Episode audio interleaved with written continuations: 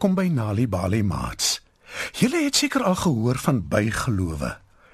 Dit is iets wat deur mense oorvertel word van geslag tot geslag. Hulle glo vas dit is waar, maar ons weet dis net 'n storie waarin sekere mense glo. Hoewel dit interessant is om daarvan te hoor, beteken dit nie ons glo daaraan nie. Dis waaroor vanaand se storie Skilpad en die voëls gaan. Die storie is geskryf deur Nikki Webb.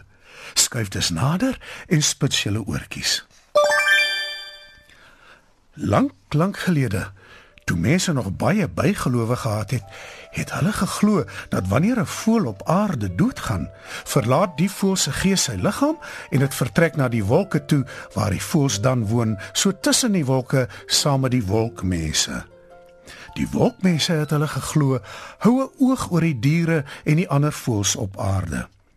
Dit was natuurlik net 'n bygeloof lank gelede. In die tyd word daar vertel, was daar 'n droogte op aarde. Daar het vir meer as 'n jaar geen reën geval nie en alles was dor en droog en verskroei. Die diere en die voëls kom toe bymekaar om te gesels en aan 'n oplossing te dink, want hulle kan nie veel langer voortbestaan met die droogte nie.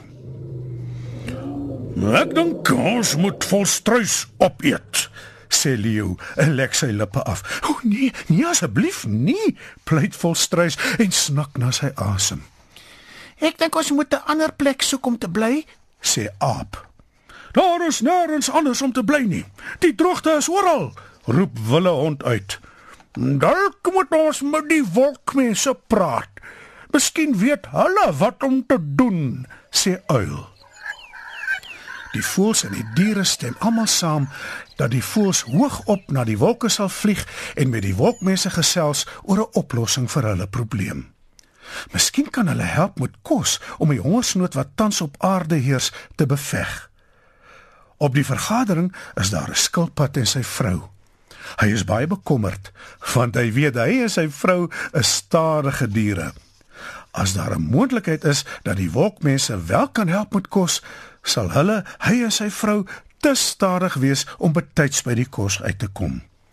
Hy is bitter honger en weet hy moet nou aan 'n plan dink.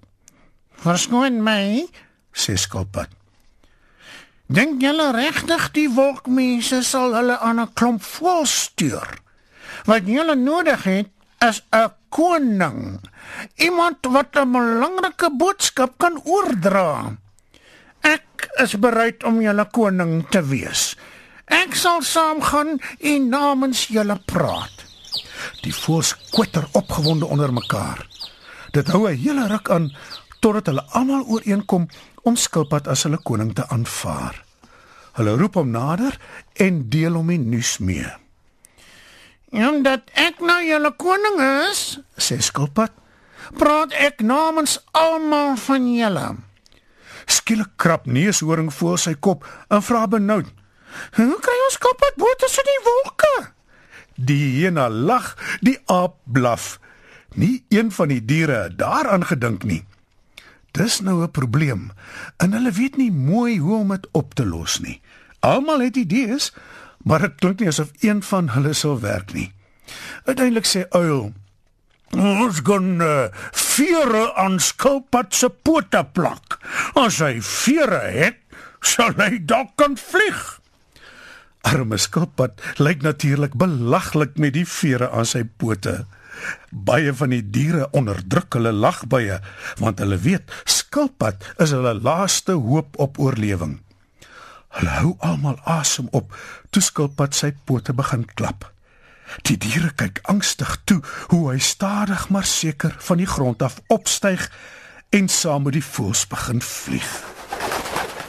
Die diere juig verheug toe skilpad al hoër en hoër in die lug opstyg in die rigting van die wolke. Toe skilpad saam met die voëls in die wolke aankom by die wolkmense, is hulle bly om hom te sien. Die voëls is trots op hulle koning skilpad. Die wolkmense het 'n fees voorberei vir hulle besoekers. Daar is heerlike sappige vrugte en kraakvars groente, alles kos wat die voëls en hulle koning baie lanklaas gesien of geëet het. "Vir wie is die heerlike kos?" vra een van die voëls versigtig opgewonde. Dis alles vir julle, ons besoekers natuurlik. Val gerus weg, sê die wolkmense. Koning Skilpad laat nie op hom wag nie en begin smil. Hy pyl op die kos af so vinnig as wat sy pote hom kan dra en verslind elke laaste kriesel daarvan terwyl die voëls verstom en baie honger toe kyk. Die wolkmense is verslae omdat die voëls nie deelneem aan die feesmaal nie. Maar hulle neem aan dis omdat dit die voëls se gewoonte is om hulle koning eerste te laat eet. Maar die voëls is woedend vir skilpad oor sy vraatsugtigheid. Hulle vlieg verwoed na hom toe en pluk elke laaste veer van sy pote af. Toe vlieg hulle nog steeds woedend terug aarde toe om vir die ander diere te gaan vertel van skilpad se ongeskiktheid en sy skelmstreek om al die kos op te vreet. Intussen fladder al skilpad se vere af terug aarde toe en hy sit vasgekeer in die wolke. Hy kyk desperaat om hom rond. As ek nou spring om terug te keer aarde toe, sal ek dit nie oorleef nie, dink skilpad benoud. Skielik gewaar hy vir papegaai wat rondkrap om te kyk of daar nie tog iets te ete oorgebly het nadat skilpad al die kos verslind het nie. Hy het nie saam met die ander voëls teruggevlieg aarde toe nie. "En groet asseblief papegaai," smeek skilpad.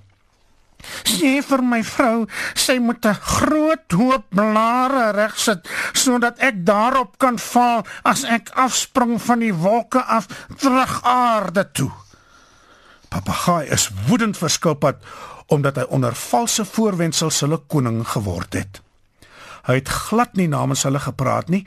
Hy het net vraatsig alles opgevreet wat die wolkmense vir hulle almal aangebied het.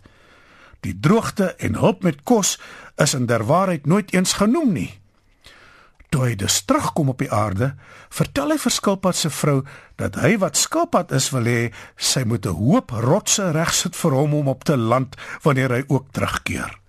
Skilpad se vrou spring dadelik weg en stapel 'n klomp yslike klippe en rotse op mekaar. Skilpad kyk intussen toe van hoog bo in die wolke. Van daar af lyk die rotse soos 'n hoop blare. En hy sien ook sy vrou staan langs aan die hoop. Hy knyp dus sy oë toe, hou sy asem op en spring. Skilpad se klein ronde lyf tref die hoop klippe en rotse met 'n harde slag. Hy roep uit van pyn toe sy dop in stukke breek. Sy vrou kom besorg nader en staar in afgryse toe sy sien sy pragtige dop is in stukke. Arme skilpad kry homself baie jammer maar sy getroue vrou versorg hom totdat hy uiteindelik heeltemal gesond is. Die stukke van sy dop groei weer aan mekaar, maar die krake gaan nooit weg nie. Die letsels is sy lewenslange bewys van die onreg wat hy die voëls aangedoen het. Intussen is die wolkmense bitter hartseer wanneer hulle besef hoe skilpad die voëls uitoorlê het. Hulle ween en weeklaag, hulle huil aan mekaar. Dit raak so erg dat hulle trane uit die lug afval aarde toe soos reën. En dit veroorsaak dat die bome weer begin bot en vrugte dra en dat die gras begin groei. Die voëls en die diere het weer kos. Die droogte is gebreek. Maar die voëls vergewe nooit verskilpad vir sy bedrog nie. En tot vandag toe het hy 'n dop vol kraakmerke en wanneer hy 'n voël gewaar, trek hy sy kop in sy dop in. Wanneer kinders tuis stories hoor, help dit hulle om beter leerders te word op skool. Vir meer stories om vir kinders voor te lees of vir stories wat kinders self kan lees, besoek ons by www.nalibali.mobi. Daar is heelwat stories in verskeie tale absoluut gratis beskikbaar. Daar is ook wenke oor hoe om stories vir kinders te lees en met hulle te deel sodat hulle hulle volle potensiaal kan ontwikkel. Nali Bali is ook op Facebook. Story Power. Bring dit huis toe.